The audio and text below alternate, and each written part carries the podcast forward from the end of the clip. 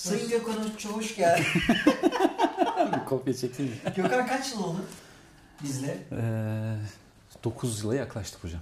E, Çok heyecanlı başladık. Biz bize bir tokat kebabı yaptın ve dedik ki Bir oldu. biz bundan sonra tokat kebabı yeriz. 9 yıl önce yedik ve biraz sonra denk geldiniz mi Allah aşkına tokat kebabı? Ama tokat kebabı da efsanedir hocam. 9 yıl getirir ya. 9 10. yılda bir yenince efsane. Şöyle yapalım 10. yılda gerçekten tokat kebabıyla senin Yapalım. 10. yılını öyle Bir şey de yapalım. hatta şöyle yapalım. e, Sıra sıra fırınlar alalım.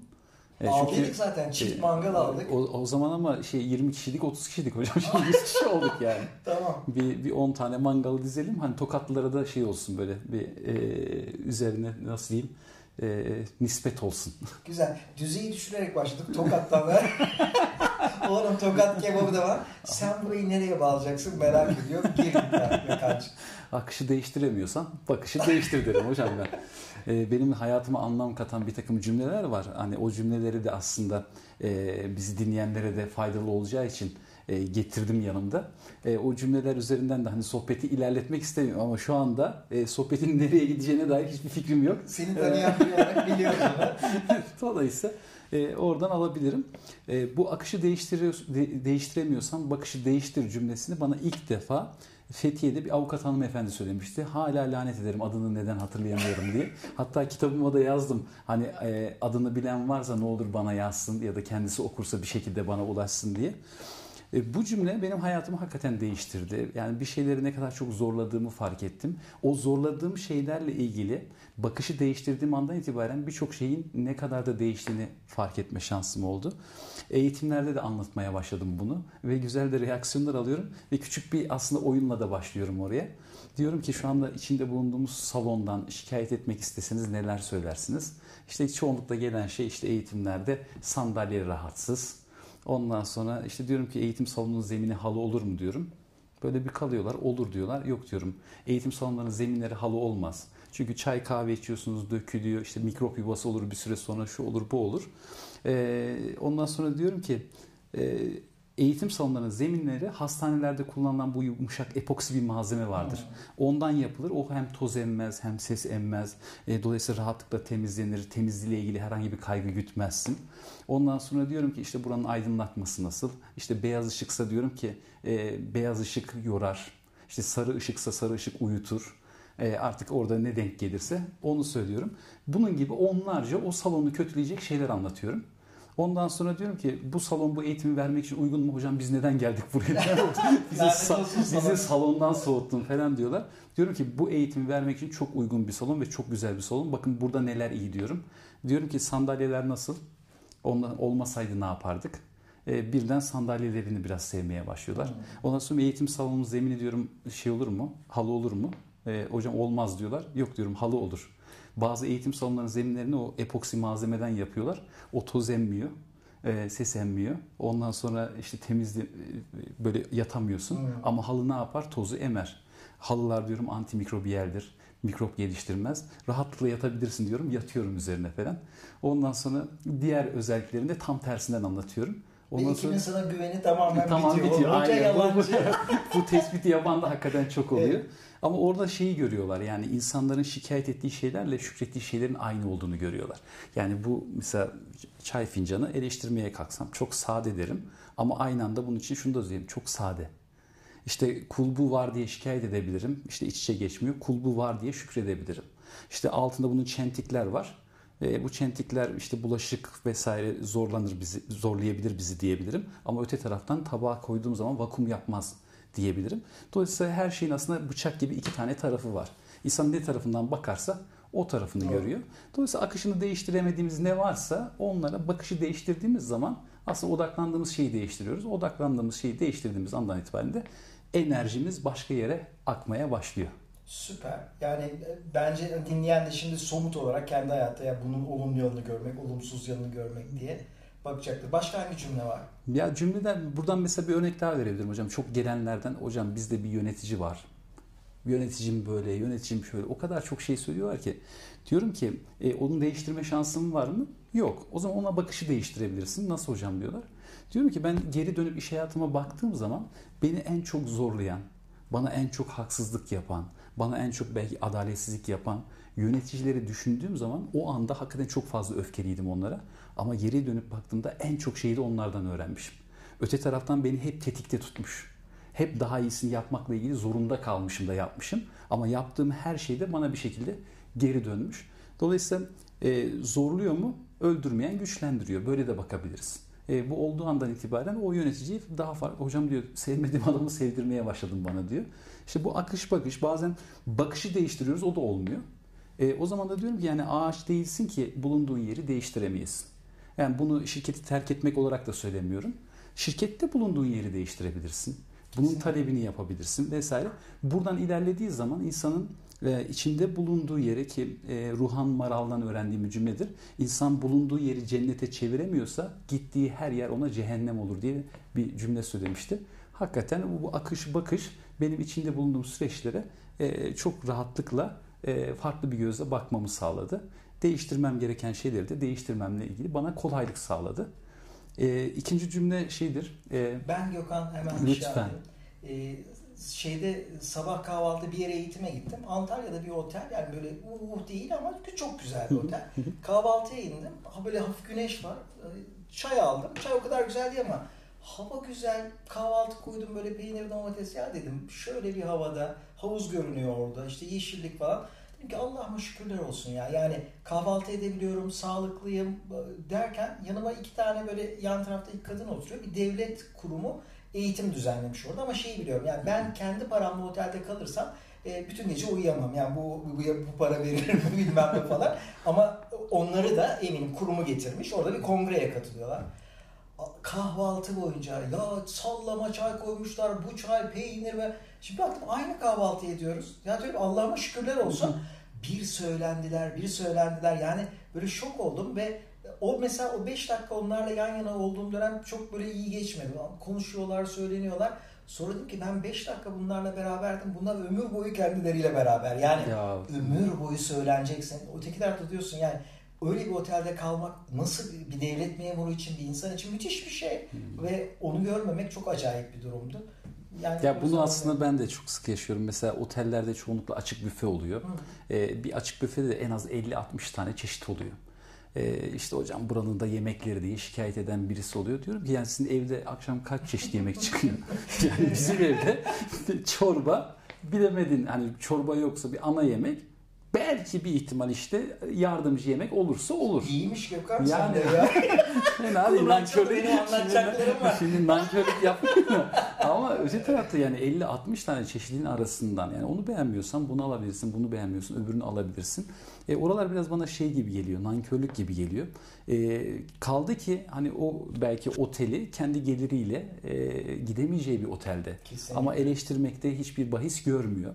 E, Deniz'de bir beyefendiyle tanışmıştım. Bir yanlış tedavi sonucu sol kolunu kaybetmiş. E, hocam diyor önce diyor çok travmasını yaşadım ben diyor. Sonra diyor ondan utanmaya başladım diyor. Sonra bir tane işlevi olmayan protez taktırdım en azından görseli hmm. tamamlasın diye diyor. Sonra bir gezi için İzmir'e gitmiş. İzmir'de sahilde yürüyorum diyor. E, bir genç çift görüyor. El ele tutuşmuşlar. İçinden demiş ya Aykut demiş ya. Yani şöyle el ele tutuşacağın bir sevgilin bile yok demiş. O sırada sağ tarafında parkın içerisinde bir beyefendi gördüm diyor.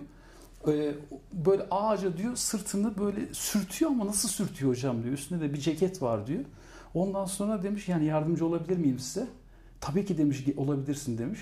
Bir baktım hocam diyor iki kolda yok diyor. Ee, demiş ya benim de yok. Ee, bu da protez. Ya demiş ne kadar şanslısın bir tane var sende. E, şu sırtımı bir kaşısana dedi diyor. Orada parkta beyefendiyi kaşıdım ben diyor. Yani o yüzden hani e, Nick Vujicic var mesela. E, tetra amelia diye bir sendromun sonucu iki kolunu ve iki bacağını kaybediyor. Şu anda dünyanın e, en iyi motivasyon konuşmacıları arasında. Kitap yazdı. Kollar yok, bacaklar yok, sorun yok diye. Yani şimdi nereden baktığımıza göre aslında değişiyor. Yani Gökhan iki şey. Bir tanesi bir kol yok ama ders çıkarma becerisi var. Yani orada bir, bir adamı görüp alanda olup e, sırtını kaşıdığını bile fark etmeyebilirsin, bakmayabilirsin. Onu görüp dersi çıkarmak çok önemli. benim senin çok takdir ettiğim yönlerinden bir tanesi de bir şeyi yaşıyorsun ve ondan ders çıkarıyorsun. Bana anlatırsın. Hocam bu bu oldu ben buradan şöyle falan filan. Çoğu yalan dolan onu biliyorum ben. Yani, Allah'ın hani kesin biri ikisi doğrudur. Ee, ve Bazen iki hikayeyi birleştiriyorum o olur. Ee, Yalan ya- yalanın varsa falan şeklinde. Ama yani gerçekten mesela bu hep yıllardır onu müthiş bir özellik sendeki. Ee, ve o ders çıkarmayı böyle sahnede bilge gibi anlatmakla hayatını adapte etme bölümü inanılmaz bir şey. Yani demin anlattığım var ya İzgör'ün Akademi'nin yakınında tuttum evi. Bana diyor- diyorsun ki bir yandan da ya ben bu kurumu sahiplendim ve ben burada çalışmayı düşünüyorum. Bu mucize bir şey. Yani baktığında e, müthiş bir iyi niyet. Ya da hani o evden çıkarsam burada da kalırım. Yani, Daha çok bunu orada. Emekler koltuğun altında kalık var ya olabilir. O yüzden şey yani e, devam et. Ne var? Devam. Yani e, bunlar benim tabii hayatıma anlam katan sözler. Bir tanesi mesela odağın neredeyse enerjin oraya akar. Bu bir şaman atasözüymüş aslında. Ben hayatımda hep şeyi de fark ettim. Hakikaten neye odaklandıysam e, mesela çözüme odaklanırsam çözümü her zaman buluyorum. E, ama e, soruna odaklandığın zaman sorun büyüyor. Yani neye odaklandığımız neyin büyüyeceğini belirliyor aslında. Dolayısıyla bu benim için kıymetli. E, içine düştüğüm herhangi bir şey olduğu zaman her seferinde zihnimden geçiyor bu. Hani nereye odaklanmayı seçiyorsun. Bazen hani şeyi de tercih edebiliyorum yani bu da e, bir handikap görmüyorum. Bazen sorunun kendisine de odaklanıyorum. Orayı da büyütme tercih ediyorum. Belki onu çözerken daha büyük bir haz alacağım. Ama öbür taraftan daha çok çözüme odaklandığı zaman orada seçenekler çoğalıyor. Sonra onlardan bir tanesini seçip bu sefer ona odaklanıyoruz. Hani kaldı ki e, yeni jenerasyona da- dair mesela çok fazla tespitimiz oluyor çocuklarımıza dair. Benim kendi çocuğum için de var. En büyük problemleri odaklanma problemi. E, şimdi odaklanamadığın andan itibaren ki e, odaklanamamayı bırakın odaklandıkları zaman da odak süresi çok kısa. Çünkü hayatın içerisindeki hiçbir süreç o çocuklara o tabletin salgılattığı dopamini salgılatamıyor. E, öyle olduğu için de çok çabuk sıkılmaya başladılar. E, ama bunu geliştirmenin yolu ne? O çocukları oradan çekip bir aktivitenin içerisine dahil edip haz alacakları bir takım süreçleri tetiklemek. Bu da ne gerektiriyor? Emek gerektiriyor. Ama birçok anne baba bu emekten e, nasıl diyeyim imtina ettikleri için ya da kendi e, süreçlerine odaklandıkları için orada çocuğu kaçırıyorlar. Ondan sonra çocuk geliyor ergenlik yaşına. Sonra bir baba geliyor bize diyor ki mesela bizim çocuk olmadı. yani sizin çocuk olmadı ama nasıl olmadı? Yani çocuk emektir. Ne kadar emek veriyorsan o kadar çıktısı oluyor. Ee, bu odak enerji olayı e, benim mesela içerik tasarlarken çok işime yarıyor. Yani e, her insan benim yaşadığım hayatı yaşıyor. Benim gördüklerimi görüyor aslında. Ama o da orada olmadığı için onun pas geçiyor. Ben onu pas geçmem. Ve yukarıda Emine ablayla konuşurken onun söylediği bir şeyden yola çıkıp onu bir içeriğime bağlarım. Burada sizle konuşurken, Anıl'la, Efkan'la, Nisan'la konuşurken de onun söylediği bir cümleden yola çıkarak. İşte mesela Ni- Nisan karaoke'larda staj yapacağını söyledi. E, öte taraftan işte bu pandemi süreciyle ilgili e, staj imkanlarının azaldığından bahsetti. Hemen aklıma şey geldi ya online staj olmaz mı? E, olur ama sayısı azmış. Karaoke'lar. Karaoke'lara gittiği andan itibaren Nisan'ın bölümü neydi? E, benim sistematiğim hep böyle şey. O zaman muhtemelen işletme. Nisan işletme miydi? Evet işletmeydi. Şimdi düşünüyorum Nisan e, karaoke'larda neyi yapılandırabilir? İşte bir ürünün başlangıcından sonuna kadar birçok süreci orada yaşayacak. Sonra ne olacak? Nisan tekrar okula döndüğü zaman birçok kişiye göre daha avantajlı bir fiil başından sonuna bir üretim prosesini markalamasına kadar, pazarlamasına kadar görmüş oluyor olacak. Gibi gibi yani Nisan'ın anlattığı bir şeyden bile ben oradan bir çıkarım yapıp bir hikaye yazıp e, buradan da bunu bir yere bağlayıp bir çıktı sağlayabilirim. Odağın neredeyse de enerjin oraya akıyor. Bunu tam bağlayamadın onu söyle. Şeyi seyrettin mi Gökhan ya? Less Dance seyrettin mi Michael Jordan'ın? Ee, şu- anda şeyde Netflix'te olan Ha, yani e, ne kadar e, şey odaklı gittiğini çok somut olarak görüyoruz aslında. Ya bir yerinde şeyi söylüyor. Yani e, geçmişteki koçlarından biriyle konuşurken diyor ki birçok oyuncum diyor ileride geride bilmem ne. Jordan diyor hep diyor o anda diyor. Yani oyun Hmm. oynanırken diyor şutu çekmeden birçok oyuncu kaçırırım kaçırmam falan diye düşünür- düşünürken diyor. Michael Jordan diyor sadece o ana odaklanır. Bence diyor farkı o. Ben çok iyi Hmm. anlatmış. Yani senin anlattığının çok somut Somut örneği. örneği Aa, kesinlikle. Bir bakıyorsun o ana odaklanan adam yoksa ya ne olursa geçmişte bu oldu falanla odaklanan adam sahneye çıktığında başka bir işi yaparken kafa başka bir yerde. Hı hı. Çok çok iyi anlattın. Yani şey diğer takım oyuncularını da çok domine etmiş orada. Birçoğunu da aslında yukarı çeken Jordan'ın kendisi olmuş. Onun oradaki odağı olmuş aslında. Hatta bir ara böyle e, dikte etmeye de başlamış yani birçok şeyi. E, o anlamda da güzel örnek gerçekten. Ama şeye söylediğine de örnek. Hani diyorsun ya kötü yönetici e, ve şey ben ama ondan çok şey öğrendim. O tip oyuncularla konuşuyorlar. E, diyorlar ki yani çok çok öttürdü bizi. Çok zor. Ama çok şey öğretti diyorlar. Yani Kesinlikle onu yapmasa yukarı çıkamazdık diye anlatıyorlar. Ama işte yani orada da takdir etme duygusu. Lanet de okuyabilir onu ama diyor ki beni yukarı çekmek için çaba gösterdi. Hı hı. Süper hocam ya. Başka Gökhan. Başka var hocam ya. Hayat düşüncelerimize değil eylemlerimize yanıt verir diye bir cümlem var mesela. Ee, Selin Hoca'dan öğrenmiştim onu. Onu da anmadan geçmeyeyim. Yani e, İki gün önce yaş günüydü. öyle mi? Konuştunuz mu? Ay, evet. harika ya. Ee, ben de ne zamandır konuşmadığımı fark ettim şimdi. Ee, en kısa zamanda ben de iletişim kurayım. Ee, bu cümle e, aslında birçok şeyde ne kadar eyleme geçmekte geç kaldığımı fark ettirdi bana. Ee, mesela e, benim çalıştığım bir holding vardı ve bu holdingin içerisinde birçok süreçten şikayet ediyorduk. Hep beraber satışçılar toplanıyorduk. İşte yöneticimiz vardı onu eleştiriyorduk, sistemi eleştiriyorduk. E, Bununla beraber bir takım kişisel sorunlar vardı. Onların üzerinden dedikodu yapıyorduk vesaire. Ama e, mutlu olmuyorduk. Ama bu cümle mesela eğitimin içerisinde ben ilk İzgören Akademi'de eğitmen uzmanlık programına geldiğim zaman hani Selin Hoca'dan öğrendiğim şey ya hayat oradaki düşünceyi ve düşünceyi ifade ettiğin söyleme yanıt vermiyor hakikaten. Bir şey yaparsan bir şey oluyor. E, Ve o günden sonra hep böyle e, hayatım içerisine düşündüm, ötelediğim, ertelediğim bir şey olmasın diye hep onu eyleme geçirdim. Onu eyleme geçirdikçe e, o daha güzel oldu, daha güzel oldu. İşte mesela yıllarca kitap yazacağım, kitap yazacağım dedim. Akademiye gelmeden önce de benim hayalimdi bir kitap yazmak. Ama hiçbir zaman yapmadım. Hep kitap yazmayı düşündüm. E, ondan sonra e, kitap yazayım dedim. E, ama bu çok büyük bir şey. Hani ilham gelmesi gerekiyor. bir sürü şeyin birikmesi. Sonra e, dedim ki ya ben kitap yazmayacağım. O kitabın bir bölümünü yazacağım. İşte aklımda bir fikir vardı. Onu üçe böldüm. Onun bir bölümünü yazayım dedim ama ona da pek fırsatım olmadı. Sonra ben bölüm yazmayayım, anekdot yazayım dedim. Sonra o anekdotla e, ilerledi. Bu arada acele O- etmiyorsun O, o da tabii. Aceleci. sinek sığırışar olduğu için. sonra sonra anekdot da istikrar bulmadı. Sonra dedim ki ya ben her akşam yatmadan bir cümle yazacağım dedim. E, ondan sonra birer cümle yazmaya başladım ama bazı akşamlar ilginç bir şey oldu. O bir cümleden bir şey geldi aklıma. Sonra başka bir şey. E, o zaman dedim ki bu ilham dediğim şey durup dururken gelmiyor. İlham sen ona doğru adım attıkça o sana doğru adım atan bir şey. E, ve yazmaya başladıkça o bir pratik kazandığı andan itibaren bazı geceler oturdum sabahlara kadar yazdım. E, bir kurban bayramıydı hatırlıyordum. E, eşim ve oğlum Karabük'teydi ailesi oraya gönderdim. Ben dedim kapanacağım kitabı bitireceğim dedim.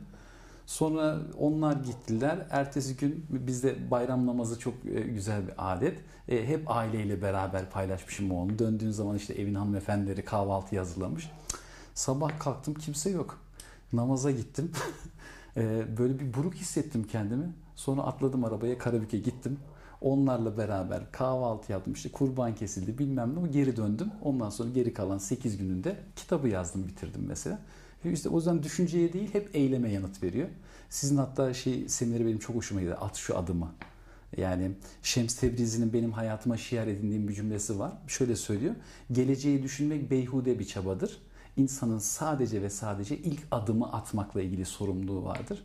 Aslında düşündüğümüz, ötelediğimiz, ertelediğimiz ne varsa sadece ona küçük bir adım atıyor olmaya ihtiyaç var.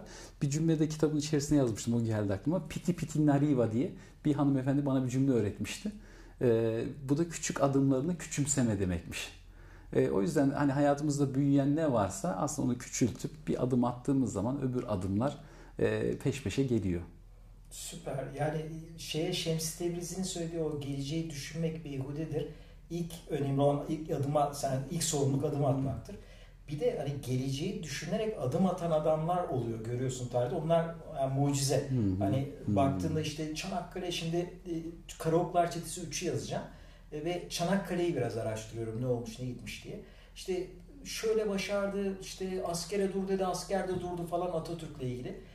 3 yıl önce gelip bütün o siper bölgelerini falan gezmiş, bütün alanı biliyor. Yani evet. e, Fatih Sultan Mehmet'e bakıyorsun, hiç haritaya bakmadan diyor ki şuraya gideceksiniz, oradaki tepenin yanında dere ezbere biliyor bütün haritayı. Yani orada baktığında hmm. hani e, ya bir İstanbul'u fethetsek peygamberimiz de söylemiş süper. Hmm. Çatır çatır yani alanda olmak e, atla beraber suya giriyor başarılmadı askerin yanında. Bir bakıyorsun o emek ama o vizyonu olmayan adamlar ileri planlamamışsa burada bir şeyler yapıyor. Bakıyorsun kurum ileride değil batıyor gidiyor. ee, ama çok iyi cümle. Yani cümlede aslında şey e, geleceği düşünmek beyhude bir çabadır derken hani gelecek senin kontrolünde değil. Sen şu ana odaklan. Ee, yoksa geleceği öngörmekle ilgili orada bir handikap görmedim. Şemsi Tebrizi'ye bir cevap hakkı doğdu. Muhabbeti var ya. ya. Şimdi e, o beyhude çabanın geri planında aslında şu var. E, ben insan beyni çalışmaya başladıktan sonra e, zihnin aslında bu anda nasıl var olduğunu da çok somut olarak gördüm. İnsan beyninin geçmişi yok, insan beyninin geleceği de yok. E, insan beyninin şu anı var bu anı nasıl yorumluyor? O işte geçmişteki deneyimle bu anı yorumluyor ve geleceğini yazıyor aslında. Dolayısıyla biz önümüzde ne varsa ona odaklanır ve onu iyi yapmakla ilgili ne kadar çok gayret gösterirsek sağa sola bakmadan yani en çok yaptığımız hatalardan bir tanesi de o kıyaslar. E, o ne yapıyor, o ne yapıyor? Ki sosyal medyada zaman kaybetmemizin en büyük nedeni bu. E, etrafında herkesin kendine model aldığı insanların e, ya da kendini eş gördüğü insanların ne yaptığını sürekli takip etmekten önünde ne varsa ona odaklanamıyor. Odaklanamadığı için onlar alıyor yolu gidiyor. Ondan sonra da bu sefer kendini yargılamaya başlıyor. Kendini yargılamaya başlayınca kendisinden uzaklaşıyor. Kendinden uzaklaşınca kendini sevemiyor. Kendini sevemeyince bu sefer karşısındakini sevemiyor. Sonra yalnızlaşmaya başlıyor. Aslında e, yapacağı bir tek şey var. O anda elinde ne varsa küçük büyük hiç fark etmez. Ona odaklan ve oradan iyi bir sonuç çıkartmak için, oraya değer katmak için e, ne geliyorsa elinden aslında şifre biraz buralarda bir yerlerde. Evet, Urfa yöresinde piti piti nariva olarak değil mi? piti piti narivanın da hangi dile ait olduğunu da bulamadım. Zaten yani. sormadım. Ben bilmediğini fark ettiğim için üzerine seni kafaya da almışım. Yo, ben rahat itiraf ederdim o zaman. Şeyde sosyal medya bölümüne baktığında aslında ürettiğin hiçbir şey yok ve zaman harcadığın bölüm yani kesinlikle şeyi sorgulamak lazım. Ben oradayken ne kazanıyorum? Keyif alacağım bölümse gene hayır. Ama sınırı koyup sana haber verme bölümünü kullanabiliyorsan işte şu kadar dakika geçirdin çünkü gerçekten hani beyhude ıı, sözü çok iyi. Onu fark edemediğin andan itibaren Üstün Ezer'le hani iyi bir dostumuz var LÖSEV'in başındaki kurucusu şeyi söyledi. Yani hocam dedi çocuklarda patladı kanser dedi. Yani o radyasyonla ilgili Maalesef gazeteden duymuyorsun ya, bilmem nereden. Aynen. Onların da elinde yeterli veri olmayabilir ama onlar takip ediyorlar. Elindeyken yediğin radyasyonun süresi şimdi biz bu yaştan sonra aldık ama bu çocuklar çok gençten beri bu ellerinde yani o radyasyonu azaltmak gerekiyor. Yani tek Kesinlikle hocam. Ya. Ee, ve şey yani öğren, öğreniyorsan iyi, biraz da eğleniyorsan iyi. Ama bütün gününü buna ayırıyorsan yani yıllardır ben eğitmen olarak gittiğimde tak kapatırım cep telefonu 6 saat kapalı. Yani açık olduğu andan itibaren beyninin küçücük de bir bölümü oraya gittiği andan itibaren kaybettin. Yani al hiçbir şeyden haberim yok. O, o bölümü kapatmıyorsan ve günlük hayatın içinde de yani e, şimdi seninle konuşurken mesela sana anlatırken kendime anlatıyorum. Mesela bir süredir geceleri belli mesela eskiden geliyordum 7'de telefonu kapat koyuyordum kenara. Şimdi mesela kapatmıyorum. Mesaj falan. Gereği yok. 7'de aslında kapat koy kenara sabah açman gerektiğinde aç. Yoksa o seni yönetmeye başlıyor. Çok kesinlikle doğru hocam. Ee, yani ya orada da, dinleyiciye de söylemedim hani or, kendime. Orada da hep şey var aslında. İnsanın birinci temel isteği bilmek. Dolayısıyla bilmekle ilgili alanı boş kalan insan huzursuz oluyor. E, çünkü insan beyni soru ve cevapla çalışıyor. Soruyu soruyor, cevabı kendisi veriyor. Eğer soruyu sorar, cevabı kendi verebilirse mutlu, huzurlu. Ama bir soru sorduğu zaman, cevap veremediği zaman huzursuz oluyor. Mesela biz şu anda bu odada oturuyoruz. E, baktığımızda bilmediğimiz herhangi bir şey yok. Bize tehdit oluşturacağını düşündüğümüz herhangi bir şey yok. Ama mesela burası hafifçe böyle bir sallansa o zaman hepimizin beyni ne oluyor diye soracak. Ya da mesela şuradaki köşedeki pervazdan bir duman çıksa burada geldiyse böyle maksatlı hareketler yapsa şuradan kütüphanenin arkasına girse hepimizin beyni aynı anda bu ne diye soracak ama cevap var mı? Yok. Biz sormayız değil mi? Yani ne oldu? Biz de bak bir ekip sormayız dediniz şeye girer. o zaman Doğru. boşa çıktım. Normal insanlar da. Kardeşim YouTube'a da YouTube'da izleyenler en azından onlar da toplu olarak vallahi biz sakin kalırız diyorlarsa Yani böyle bir şey olduğu andan itibaren Lost'a bağlarız. Yani o ne deriz de others diye arkada. Ee, dolayısıyla bilmek istiyoruz. İnsan bildiğini yapmak istiyor. Yaptığını paylaşmak istiyor. Sahip olmak istiyor ve olmak istiyor. Şimdi bu insanın 5 tane temel ilk temel istekleri. Şimdi sosyal medya neden bu kadar aktif? Bilmekle ilgili alanımızı dolduruyor. Bildiğimizi, yaptığımızı paylaşmamızı sağlıyor. Dolayısıyla bizi ilk ilk üç temel isteğimizden vurduğu için bu kadar hızlı yayıldı zaten. Ee, eskiden aileler tatile giderdi, Necla'ların haberi olmazdı. Şimdi aile tatile gidiyor, havalimanında fotoğrafları bir yapıyor. Necla. Ayla'nın.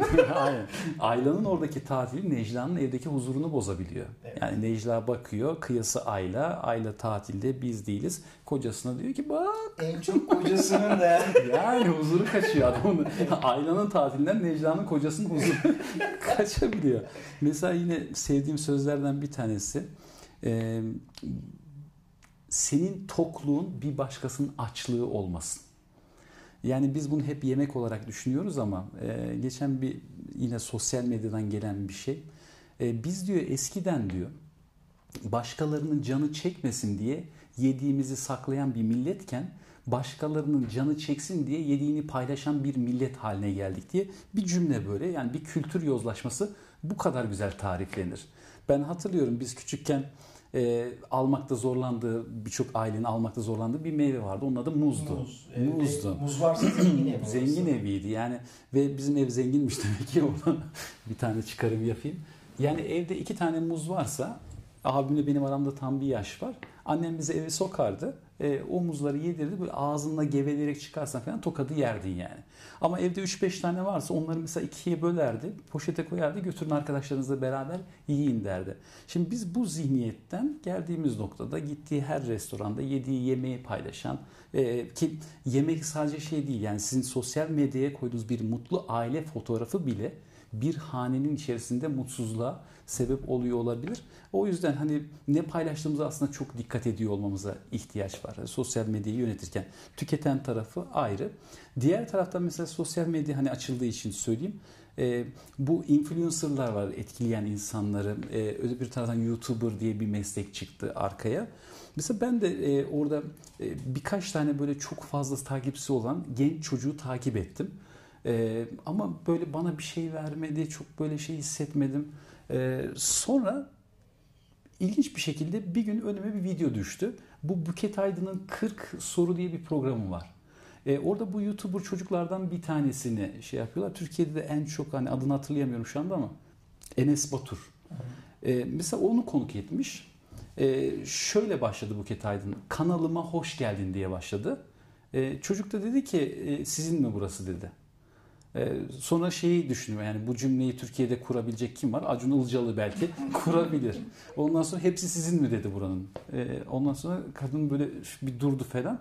Yani siz dedi hep şey yapıyorsunuz ya kanalıma hoş geldin diyorsunuz ya ben de bunu yapmak istedim dedi. E dedi ki o kanal benim zaten dedi. Siz dedi buradaki kameraların dedi nasıl çalıştığını biliyor musunuz dedi. Bilmiyorsunuz ben biliyorum dedi. E, buradaki ışık setinin nasıl kurulduğunu biliyor musunuz? Bilmiyorsunuz ben biliyorum dedi. Siz burada sadece içerik oluşturmaya ilgili bir formatın üzerinden içerik oluşturuyorsunuz dedi. Ama o içeriği ben sıfırdan sonuna kadar üretiyorum dedi. Ben dedi yönetmenlik yapıyorum dedi. Siz bir yönetmenin yaptığı işi yapmıyorsunuz dedi. Ben dedi burada dedi ekip çalıştırıyorum dedi. Ben patronum aynı zamanda dedi. Bir insanın nasıl yöneteceğini iyi biliyorum dedi.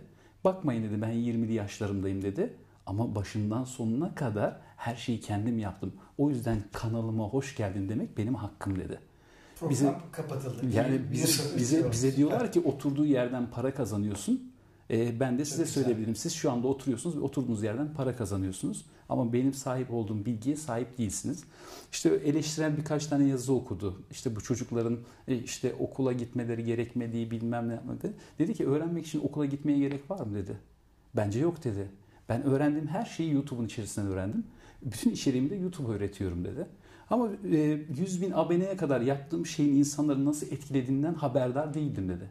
Ama dedi şimdi dedi yaptığım şeyi insanların nasıl etkilediğini ve etrafında nasıl bir dönüşüme sebep olduğumu farkındayım ve bunun sorumluluğunu alarak içerik tasarlıyor. Yani bu müthiş bir bilinç hocam. Kesinlikle. Yani yani. şimdi bu çocukları eleştiriyoruz ama e, yapmadığı üzerine ama insan neden motive oluyor? Yaptığı üzerinden motive oluyor. Ve bu çocukları doğru yere kanalize etsek biz bugün Hollywood'a meydan okuyacak altyapıya sahipler. Animasyonunu yapıyor, videosunu kurguluyor, programlar kullanıyor ve hepsini de kendi öğrendi bu çocuklar. Kesin Gökhan ve bak farkındaysan şey e, Vizgo kurulurken bu odada Amerika'dan gelmiş bir gençle konuştum. E, Amerika'da birçok yerde görüşmeler yapmış. Gitmiş işte Microsoft şu bu falan. Dedik ki böyle bir yer kuracağız ve yol gösterir misin? Şaşırdı dedik ya sizde de şöyle işte isim isim dedim ki tamam ama bilmediğim bir alan ve ben seninle öğrenmek için görüşme yapıyorum. Yani sen de Enes Batur'u dinleme nedeni hı hı. aslında öğrenme. Bir alanda başarılı olmuş evet, ve evet. yol gösteriyor aslında şahane. Bakışım değişti açık söyleyeyim hocam yani Kesinlikle. Çocuklara. Zaten öyle olmazsa akışı değiştir. Yani o böyle bir söyle. şey çocuk o gün dedi ki yani gittim Amerika'da görüşmeler yaptım. Türkiye'de yaptım. Ne gördün? Ee, dedi Türkiye'de kimle görüşürsem dedi o işin nasıl yapılmayacağını anlattı bana. Amerika'da kimle görürsem işin nasıl yapılacağını ve ne destek verebilirim diye soruyor. Bak bu çok ilginç. Ve şimdi o çocuğun Enes Batur'un yaptığına baktığımda ben iki şey söyleyeceğim. Bir tanesi film kitabında gençlik üzerine diye bir şey yazdım. E, ikinci çıkan kitapta. Herkes bu çocukları gömüyor. Ya bu çocuklar hmm. ülkenin geleceği ve sen torpilden, sınav sorusu çalmaktan bilmem neye kadar bu çocukların ruhunu bitirmişsin. Bu çocuklar ne üretirim derdinde ve birçok kanal tıkalı. O çocuk niye başarılı YouTube'da biliyor musun? Amerikan kültürüyle önünde bir engel yok. Orada önüne çıkacak tek engel devletin gelirinin %38'ini vergi olarak alması. Korkunç bir şey. %40'ını gelir olarak alıyorsun. Hı. Ve ama başka bir engel yok. O çocuk YouTube'da kendini ifade ediyor. Ya YouTube Türk kanalı olsa, resmi bir yer olsa falan mevzuatlı, müfredatlı, bilmem ne imzası derken şunun cümlesi yanlış bunun bir şey üretemeyecekti belki çocuk. Şu an bir devlet dairesinde işte e, işine lanet okuyarak bize o işin nasıl olmayacağını anlatacaktım. O yüzden e, bu çocukları hiç eleştirmeye hakkımız yok. Ne öğreniriz diye birbirimizden bakma şansımız Hocam kesinlikle. Olmalı. Yani bir cümle daha var mesela benim. İnsanlar yapmadıkları üzerinden değil, insanlar yaptıkları üzerinden motive olurlar. Yani bir yöneticinin ya da bir ebeveynin bilmesi gereken en önemli cümle. Yani çok kötü bir şey bile yapıyor olsa çalışan da olsa, çocuk da olsa, ne bileyim bir arkadaşım da olsa yaptığı o kötü şeyin içerisinde bile e, küçücük de olsa yaptığı iyi bir şey vardır. Dolayısıyla bu yapmadığını eleştirmektense o yaptığına odaklanıp onun daha iyi yapmasıyla ilgili bir şeyi biz e, insanlara verebilirsek o zaman orası büyüyecek. Yıllarca ülke okumuyor, okumuyor, okumuyor. E neden okumuyor? Yani e, dinleyenlere tavsiye ederim. E, Özgür Bolat'ın e, bir sunumun içerisinde Türkiye neden okumaz diye bir bölüm var. YouTube'da arattıkları zaman bulurlar. Orada çok güzel anlatıyor. Yani onun cümlelerini tekrarlamak istemem. Ama öte taraftan e, yapmadığımız bir şeyin üzerinden gitmektense yaptığı üzerinden insanlarla iletişim kuruyor olmanın ben iletişimin kalitesini ne kadar arttırdığını da çok somut olarak gördüm. Şimdi benim çocuğum da hani ben çok okuyorum ama çocuğum benim kadar okumuyor. E, ve e, yıllarca mesela onu eleştirdim. Ama öte taraftan bu çocuğun iyi yaptığı bir şey var. Hani çok tasvip etmiyorum ama PUBG diye bir oyun oynuyor. E, ve dedim ki yani bu çocuk niye bu kadar buna zaman harcıyor? Kendi telefonuma PUBG yükledim. Ondan sonra dedim ki oğlum senden rica etsem dedim ben bu PUBG'yi oynamak istiyorum. Bana öğretir misin dedim. Hocam çocuğun duruşu şekli her şey değişti. Bizim işimiz Ondan sonra 10 e, dakika 15 dakika bana anlattı ama onun bilgisinin zerresine haiz olmadığım için anlayamadım. Ama baba seninle uğraşılmaz dedi. Tekrar gitti. Oyunun başına.